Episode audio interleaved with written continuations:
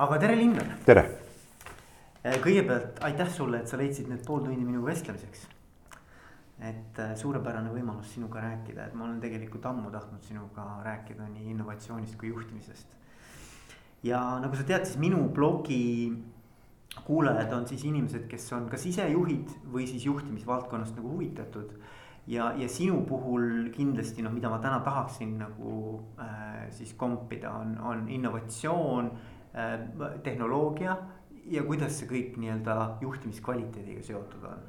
et kui me seda, sellist kolmnurka saaksime natukene nagu torkida äh,. sinu sissejuhatuseks, ma arvan jälle väga palju nagu sõnu vaja ei ole, sest et ma arvan, enamus inimesi tegelikult sind teavad ähm, ja kui ma hakkasin ka vaatama, et millega sa kõigega tegelenud oled, et siis noh, seda, see, see list on päris pikk. et selles mõttes, et võib-olla kolm märksõna nagu, mis sealt nagu välja joonistus, oli õppejõud äh,. kindlasti ettevõtja.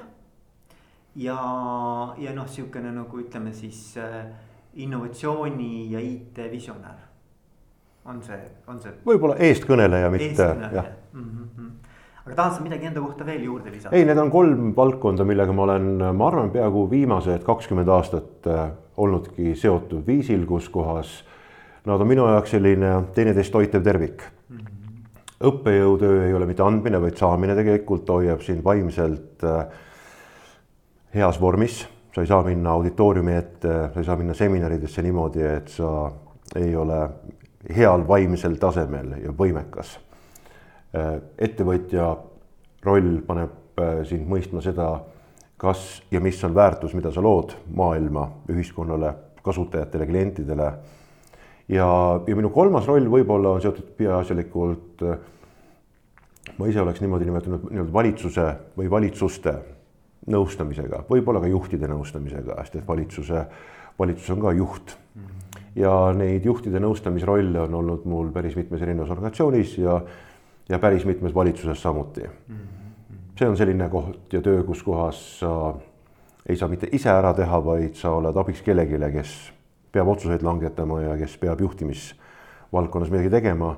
ja üldjuhul on need nõuanded, mis minult küsitakse, tõepoolest olnud seotud tehnoloogia mõjuga ühiskonnale ja tehnoloogia kasutamisega ühiskonna huvides mm. No minu selline stampküsimus, esimene küsimus on tavaliselt, et mille eest juhile palka makstakse. aga ma arvan, sinu puhul nagu pööraks selle natukene, võib-olla keeraks selle teistmoodi, et, et, et, ähm, et, et ütle mulle, äh, kas juhile makstakse palka ka innovatsiooni eest?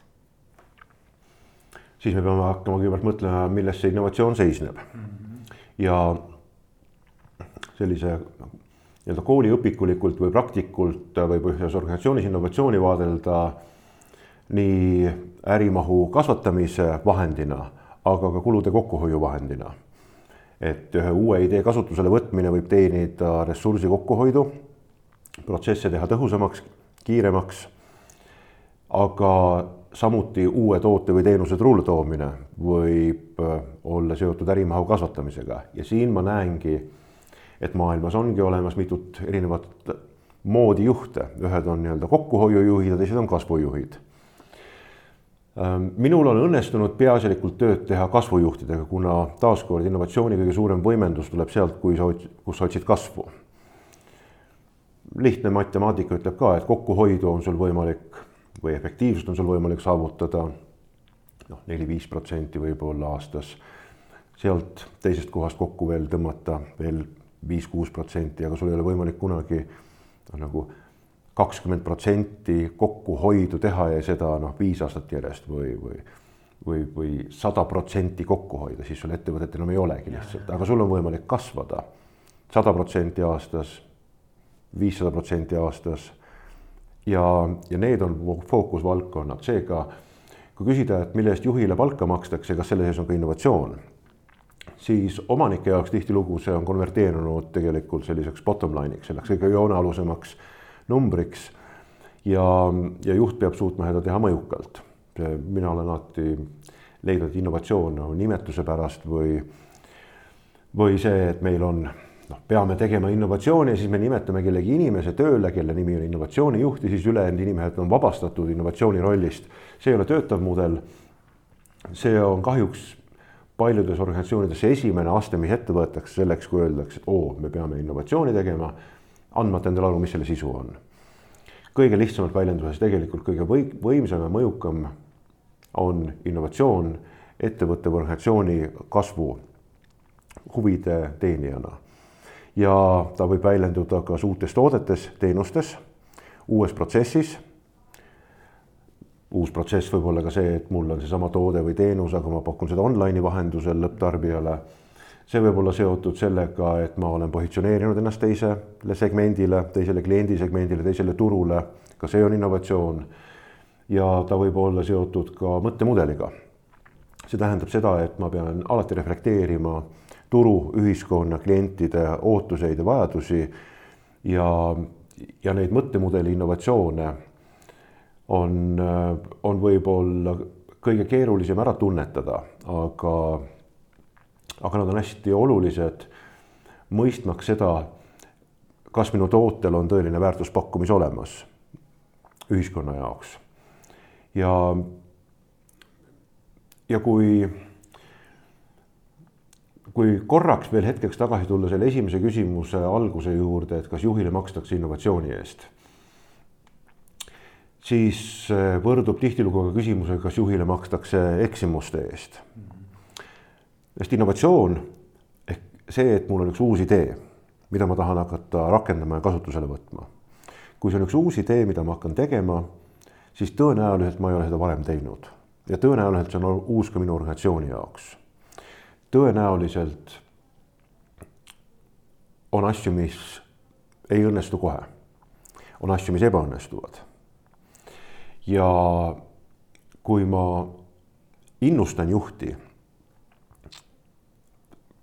toetama innovatsiooni ja oma organisatsioonis olema ka ise innovatsiooni eestkõneleja, siis selle sisse on kirjutatud tegelikult valmisolek ka eksida valmisolek teha vigu.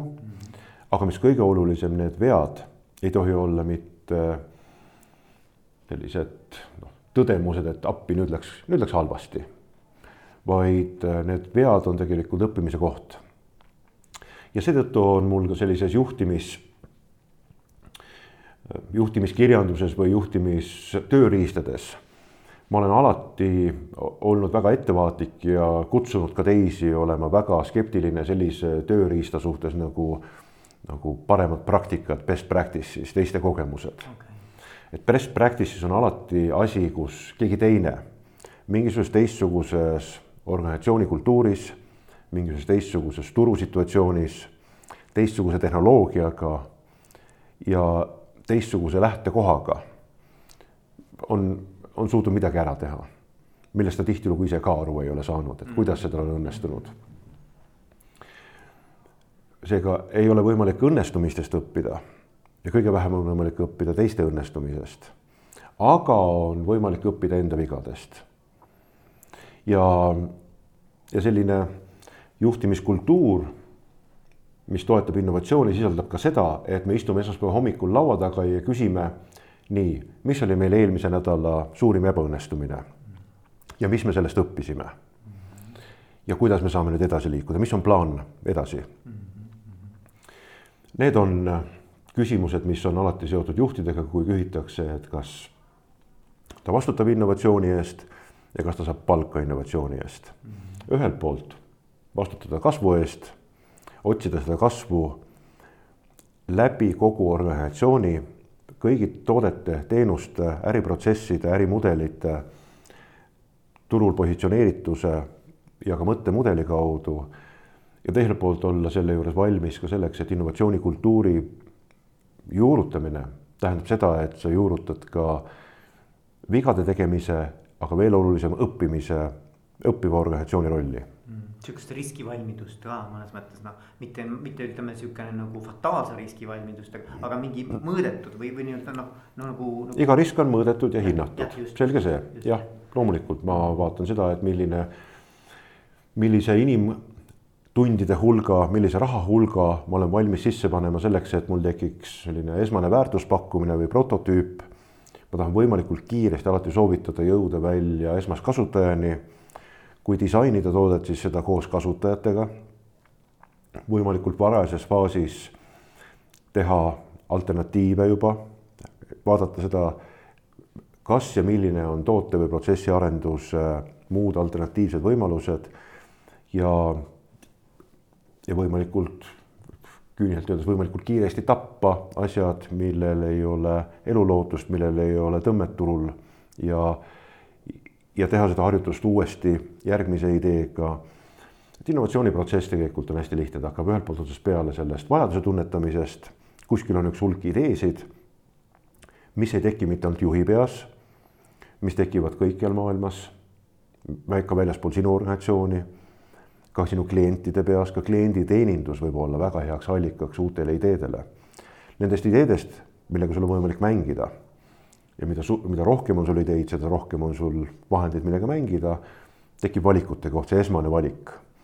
millised on need ideed, mis on meie strateegia, meie ettevõtte põhituumtegevusega seotud, mis võimendavad meie seniseid kompetentse, mis võimendavad meie positsiooni turul, mis võimendavad meie pakkumist ja väärtust, mida me anname klientidele. ja seejärel, kui me oleme välja valinud nendest ideedest need, mis on meie omad, siis tuleb otsustada, kuidas me hakkame neid ellu viima, kas teeme ise, kas saame hakkama, kas me ostame selle teenusena sisse, kas me loome partnervõrgustiku. ja kui me oleme selle esmase nii-öelda prototüübi, et me toote juba turule toonud, siis sealt on kogu aeg tuleb teda tagasisidestada ja see on siis juba selline asi, mida võib nimetada ka kvaliteedi juhtimiseks või, või selliseks pidevaks toote uuenduseks, tootearenduseks. Need on sellised põhilised etapid, millest see innovatsiooniahel koosneb. kas sa oskad ka öelda, Linnar, mis tüüpi või mis karakteristikutega juhid nagu on sellised rohkem innovatsioonile kalduvad või oled sa tähele pannud nagu, et, et mis või võiksid olla niisugused nagu hoiakud või, või väärtushinnangud niisugustel juhtide puhul? Ma oskaks tuua küll paar näidet. kõige esimene äh, edukas selline juhtimismudel minu jaoks on see, kui ollakse võimelised äh, usaldama organisatsiooni ja delegeerima organisatsioonis. ja, ja mitte üle kontrollima ehk selline ülekontrollimine ja, ja. ja mikromanageerimine. Need on asjad jah, kus äh, sa võtad ära inimestelt võimaluse tegelikult olla ise loov probleemi lahenduses mul on paar näidet selle kohta nagu negatiivse poole pealt, kus üks hea tuttav juht et mul on avatud uste poliitika, mul on kogu aeg, mul ei olegi ust isegi kontoril olemas. mul on kõik inimesed, kõik võivad oma probleemide ja muredega kohe minu juurde tulla. ja nad tulidki kogu aeg tema juurde oma murede ja probleemidega ja tema lahendas neid. ja ta läks hommikul tööle, hakkas probleeme ja muresid lahendama, läks õhtul koju ja kõik mured olid lahendatud, homme hommikul olid jälle uued mured laua peal siis ma küsin, aga mida need inimesed teevad sul siis mm? -hmm. miks nemad ei või? ja see on selline nagu biokeemiliselt maailma kõige ägedam stiimul ja õnnetunne ja rahulolutunne, mis sa saad, kui sa suudad ise ühe mure või probleemi ära lahendada mm. -hmm. hakkab olema tegema niimoodi, et kui inimene tuleb probleemiga sinu juurde, siis ütled, ei ära tule mulle probleemi, räägi mulle, mis lahendust sa pakud mm. -hmm miks mina peaksin teadma, kui raamatupidaja tuleb minu juurde probleemiga, miks mina peaksin olema parim, kes ütleb, kuidas seda probleemi lahendada või kui tuleb mulle turundusjuht või personalijuht tuleb minu juurde. tema peaks olema selle valdkonna tegija, kes oskab pakkuda välja ka lahendust, mitte mina. seega selline avatud ustest ei piisa. sellisest kinnisest otsuse tegemise protsessist ma, ma loomulikult ei räägi. aga oluline on see, et sa, sa usaldad inimesi, aga see tähendab siis nüüd seejärel ka seda, et sul peab olema, sinu personalipoliitika peab olema üles ehitatud viisil, kus kohas sa äh, otsidki selliseid inimesi enda ümber tiimi, kes, kes tahaksid seda vastutust võtta ja keda panevad põlema just need uued ideed ja nende elluviimine. ja see on, see on fantastiline tunne, teha mitte millestki midagi mm. -hmm. mitte midagi ei ole, ainult üks idee ja, ja siis korraga on üks toode turul, üks uus teenus on turul. ja, ja see, selle järgi on nõudlus ka veel olemas. see annab kogu organisatsioonile rohkem tagasi alati kui see, kui me lihtsalt ütleme, et jaa, me nüüd sel aastal tootsime viis protsenti rohkem sedasama toodet ja ja meil on nüüd väga hea meel, et me oleme, müüsime seda paljunduspaberit või tegime nii mitu kilomeetrit rohkem asfaltteed panime maha. vaid, vaid kõige rohkem innustab ja stimuleerib organisatsiooni ja inimesi see, kui nad näevad, et nende idee on päriselt valmis saanud, päriselt kellegi ees ja see läheb kellelegi korda ja on väärtust loov kellelegi. ja, ja, ja siinkohal tuleb rõhutada, et mitte kõik organisatsioonid ei pea olema sellised. mitte kõigi organisatsioonide eesmärgiks ei ole kogu aeg uusi tooteid ja teenuseid turule paisata. ja, ja, ja tihtilugu on väga oluline igas organisatsioonis ka tegelikult see, kuidas ma hoian püsti olemasolevat tootmist, olemasolevaid teenuseid, olemasolevat organisatsiooni. ja kuidas ma rutiniseerin seda, mida ma iga päev olen teinud ja iga päev, iga päev uuesti uuesti teen jälle ja jälle. Et need on kaks erinevat juhtimisvõtet ja organisatsiooni omanikud peavad hästi oluliselt aru saama sellest, et mida oodatakse praegu juhilt, kas oodatakse seda noh, ütleme, mina olen nimetanud seda nii-öelda köiepeo sõnastiku järgi, et kas see on selline noh, nagu hetk, kus sa karjud oma tiimile, et hoia, hoia, hoia. või siis see, et nagu tõmba, tõmba ja siis ütled neile, tuleb, tuleb. Siis äh, kui sa tahad sellist hoia-hoia juhti ja oma organisatsiooni selles faasis hoida, kus kohas ta, ta peab suutma lihtsalt tõhusalt kõik päevad järjest funktsioneerida siis see on üks juhtimisviis, aga kui sa tahad, et ta kasvaks, siis on teistsugust organisatsiooni, teistsugust organisatsiooni kultuuri vaja ja ka teistsugust juhti mm. -hmm. mis sa muidu Steve Jobsist arvad? Ta on väga mitmepalgeline isiksus, kelle kohta on väga ähm, noh, ütleme, mina ei ole temaga koos töötanud. ja, ja, ja mina äh, näen, et sedalaadi innovatsioonikultuuri juhtimine on äärmiselt harva esinev õnnemudel või õnnestumise mudel, väga harva esinev. ja, ja, ja tema on noh, ütleme siis näide selle kohta, et isegi noh, ütleme sellisel lõpuni kontrollival juhtimismudelil, kui ta omab samas sellist väga-väga selget visiooni väga selget väärtuspakkumist, väga selgeid alusväärtuseid, on, on võimalik edukas olla. aga taaskord, kõige olulisem on vaadata mitte seda, mis Apple praegu on, vaid mõelda ajaloo peale, kus, kus Apple oli, oli lihtsalt noh, nagu nii-öelda turuindikaatorites või info- ja kommunikatsioonitehnoloogia turu arengus ebaoluline tegija. kui me vaatame tihtilugu ka praegu Apple'i tootearendusportfelli sisse, siis sellist alusinnovatsiooni, sellist teadus-arendustegevuse innovatsiooni tihedat sidumist uue väärtuspakkumisega näeme me seal vähem kui paljudes muudes IT-valdkonna ettevõtetes. Nad on väga perfektsed tooteviimistlejad ja lõpptarbijani viivijad. seega see on siis nii-öelda toote ja turunduse ja positsioneerimise valdkonna innovatsioon. mitte niivõrd äh, selline teadus-arendustegevuse ja, ja alusteaduste aktiivse, noh, nad on hästi head kasutajad, head vormistajad mm. -hmm. ja aga noh, muidugi see on minu jaoks on olnud nagu see uskumatu tegelikult natukene, et, et et olen mõelnud just, et, et noh, et, et kas, kasvõi see muutus, eks ole, et, et äh, viia muusika sinna sellesse iPodi, eks ole. tema ei teinud seda, see oli varem olemas okay,. ta suutis selle toote, ta suut-, ta suutis selle tootestada okay. ja sellest noh, sellise. ja samamoodi puutetundlik ekraan, eks ole. kõik need asjad on olemas, alati on Apple teinud tööd komponentidest, mis maailmas on olemas olnud, ta edu on olnud selles, et ta on suutnud need olemasolevad komponendid kokku panna niimoodi, et inimestel tekib iha soov, vajadus. ja see on valdkond, mida võib nimetada siis innovatsiooni mõistes selliseks mõttemudeli innovatsiooniks. ta ei mõelnud välja muusikat, ta ei mõelnud välja flash-mälu, ta ei mõelnud välja kõrvaklappe, ta ei mõelnud välja pisikest väikest akukest ühe seadme sisse. ega ta ei mõelnud välja ka seda, et inimesed tahaksid lugusid kuulata, muusikat kuulata lugu haaval. aga ta esitas väga olulise küsimuse turule.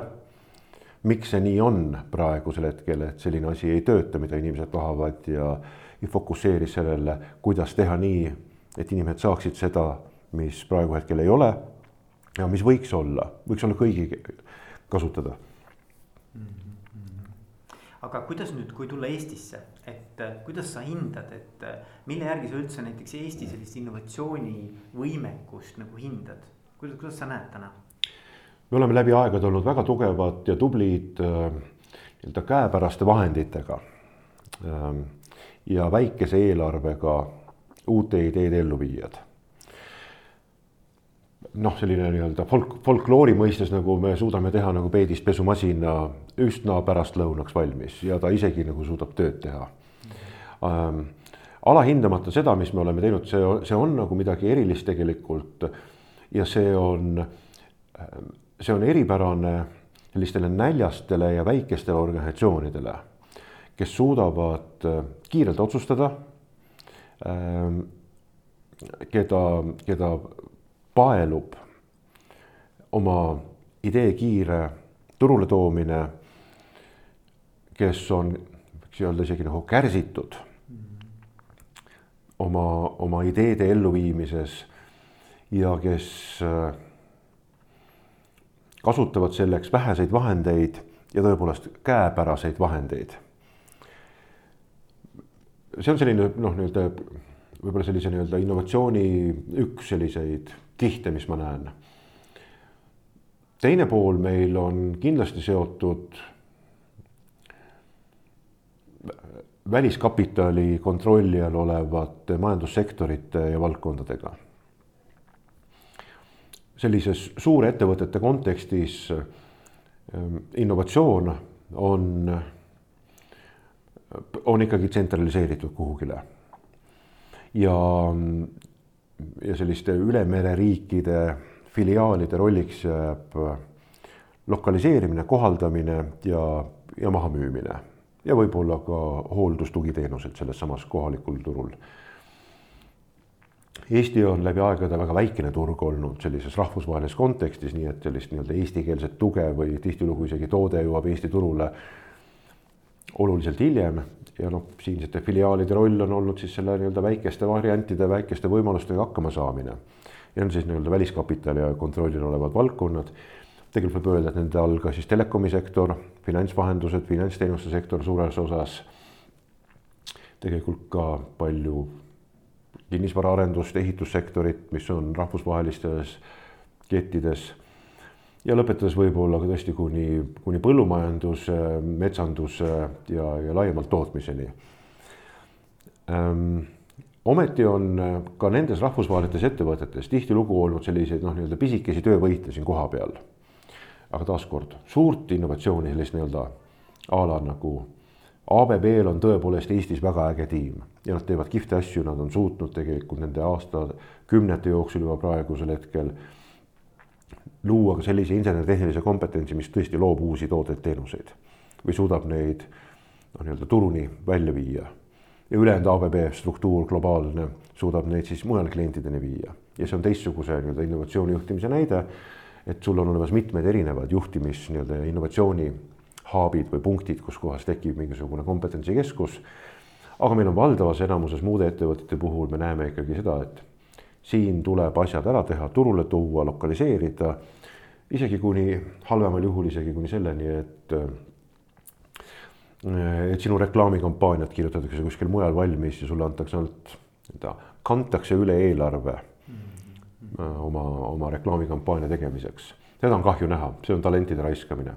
anname au, sellist nii-öelda teadmusmahukat innovatsiooni Eestis on väga keeruline ka ellu viia kui mõtleme selle peale, et mul on noh, ütleme sellise tõesti mingi võrreldes kasvõi väikse, väiksema või keskmise suurusega tootmisettevõtteid või insener-tehnilisi ettevõtteid, sellise ütleme kahesaja inimese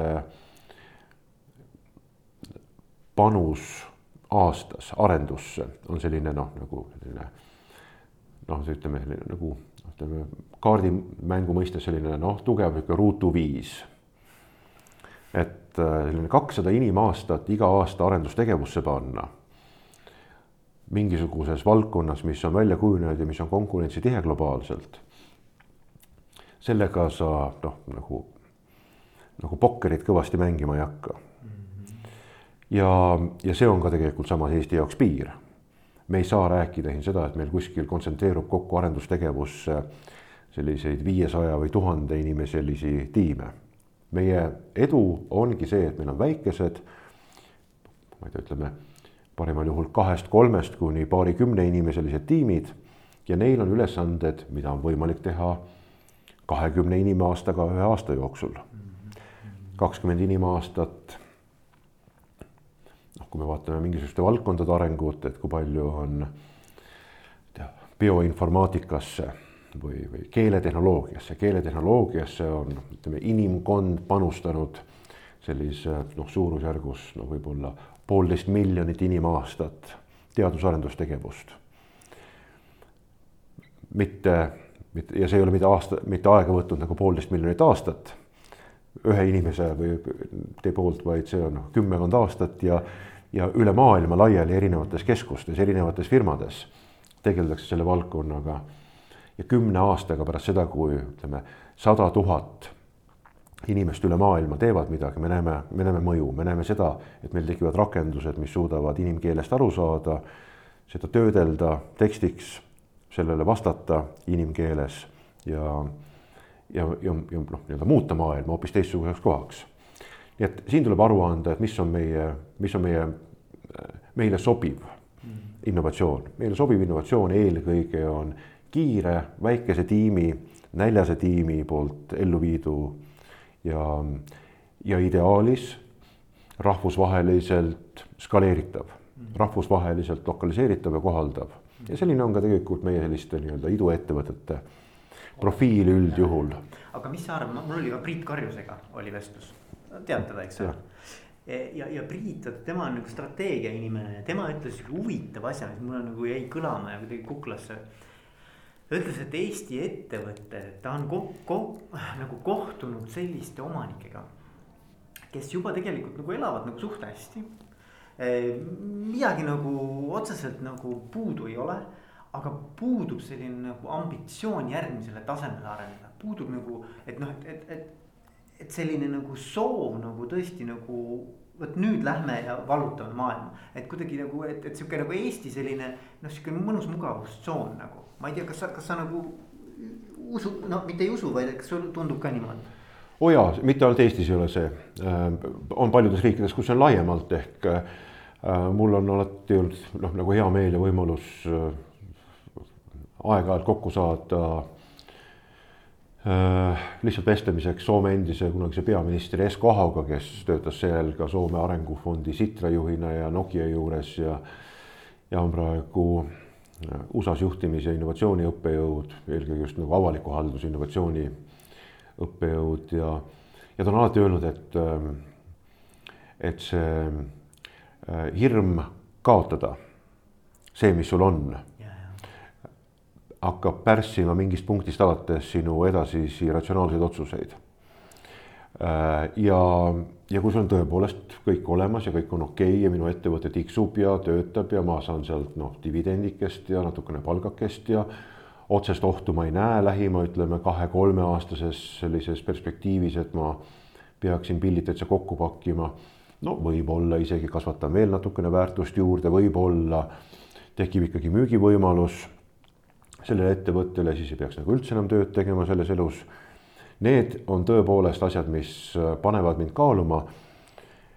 et kas ma olen valmis panema no Eesti kontekstis tihtilugu väikeettevõtete puhul või keskmise suurusega ettevõtete puhul. see tähendaks seda, et kas ma oleksin valmis panema kümme protsenti oma, oma käibest võib-olla kaheksakümmend protsenti oma aasta kasumist mingisse uude valdkonda, mõistes tegelikult seejuures ja nad ei ole üldse lollid, need sellised juhid, vaid mõistes seejuures, et tegelikult see, mis ma hakkan tegema, on kuskil mujal keegi teine just praegu teeb seda ka ja paneb sinna sisse kümme korda rohkem raha, võib-olla isegi sada korda rohkem raha.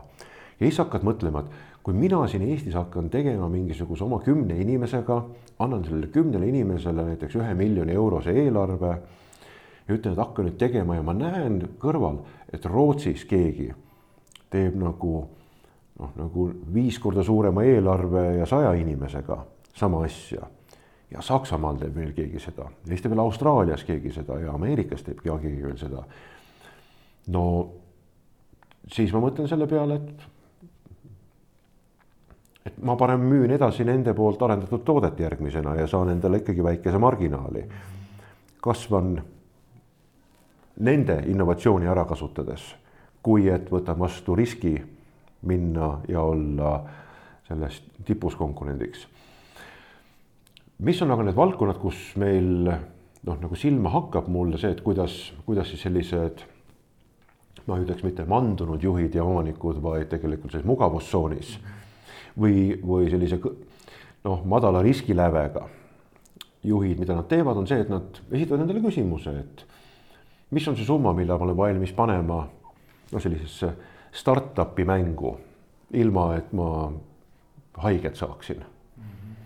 noh, on see sada tuhat aastas. no kui see on sada tuhat aastas, siis üksinda, no ma saaksin endale osta võib-olla osaluse varajases faasis mingis ühes-kahes-kolmes ettevõttes võib-olla selle saja tuhandega. mõistmata võib-olla ise, mida nad teevad täpselt. aga no ma saan ringi käia ja öelda, et oo, ma siin ka investeerin startup idesse ja sihuke värk ja nad on siuksed. No siuksed hipsterid ja telliskivi ja värk ja seal või hoopis ülikooli juures on seal, oh seal mul kaks professorit ja mingisugune ägedat asja teevad seal mingisugust bioonilisi jäsemeid või ma üldse ei saa aru, mis see on, aga jõle kihvt on tead -hmm aga, aga see kahjuks ei ole nagu see viis, kuidas, kuidas seda teha.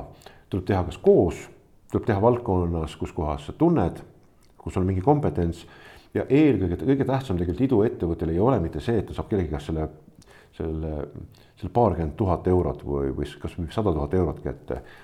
tema jaoks on tähtsam see, et, et tekiks mentorlus juurde lisaks rahale, tekiks ka, ka coach imine juurde, tekiks juurde ka, ka oskused, kompetents, teadmised ja tekiks juurde keegi, kellega tõesti mõtteid pallida ja kes ütleb sulle rahu, rahu, rahu. tee edasi, tee edasi, katsetame. Sest et tegelikult ega siis nagu alustav ettevõte või iduettevõte, ta on ka igapäevases sellises noh, nagu eksistentsiaalses küsimuses, kas ma teen üldse õiget asja kas seda keegi üldse tahab? ma usun küll, et keegi tahab.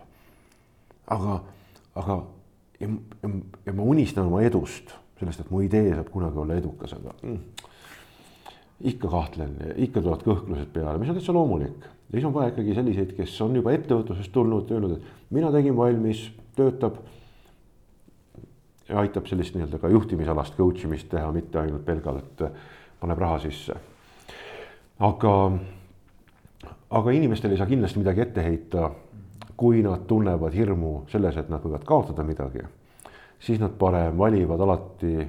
mingi alalhoidliku tee, eks ju. jah, et isegi kui sa näed, et su ärimahud vähenevad, siis sa valid aeglase surma kui kiire lõpu mm. -hmm. aga vaata, Elon Musk oli hästi kihvt, et tema pani ju kogu oma selle noh, ma ei tea, kas kogu, aga väga suure osa sellest PayPali müügirahast pani ju eh, Tesla alla, eks ole ja ta ei ole ainus, neid on küllalt olnud siin maailmas mm, -hmm. nad on põlenud ja nad on ka edukad olnud, neid on küllalt selliseid näiteid olnud, kes, kes no nii-öelda panevad kaardi järgmise asja peale ja sellised, sellised lähenemised äh, on minu jaoks samuti ütleme, ütleme noh, Tesla ja Musk on samasugune turuanomaalia mõnes mõttes nagu, ma ei tea, võib-olla nagu Bitcoin on olnud mm. -hmm. et äh, et me päris täpselt ei saa aru, miks üks ettevõte, mis noh, suudab käputäie autosid toota, miks tema, miks tema väärtus, isegi kui need autod on noh, nagu võib-olla kaks korda kallimad, kui nad peaksid olema. miks selle ettevõtte väärtus on suurem kui mingil Daimler Grupil või, või kellel on noh, nagu ütleme, ajaloolist insener-tehnilist kompetentsi ja võimekust tegelikult järele tulla nagu Tesla ei jookse nagu noh, nagu valgusaastaid mööda eest ära teistel ettevõtetel. see, see, see võimekus infotehnoloogiat kasutada on turul olemas ja kes iganes loob endal konkurentsieelise sellega, et ta teeb endal midagi, mis on nutikas, see kas ostetakse ära või kopeeritakse järele üha kiiremini ja kiiremini et ta, see on nagu natukene turu anomaalia. eks see on tema, tema personaalse brändiga ka ikka paljuski. loomulikult, loomulikult samamoodi on tema olnud tugev. noh, maailm igatseb innovatsioonis alati sellist personaalseid brände ja kui Steve Jobs ei ole, siis tuleb, keegi peab olema.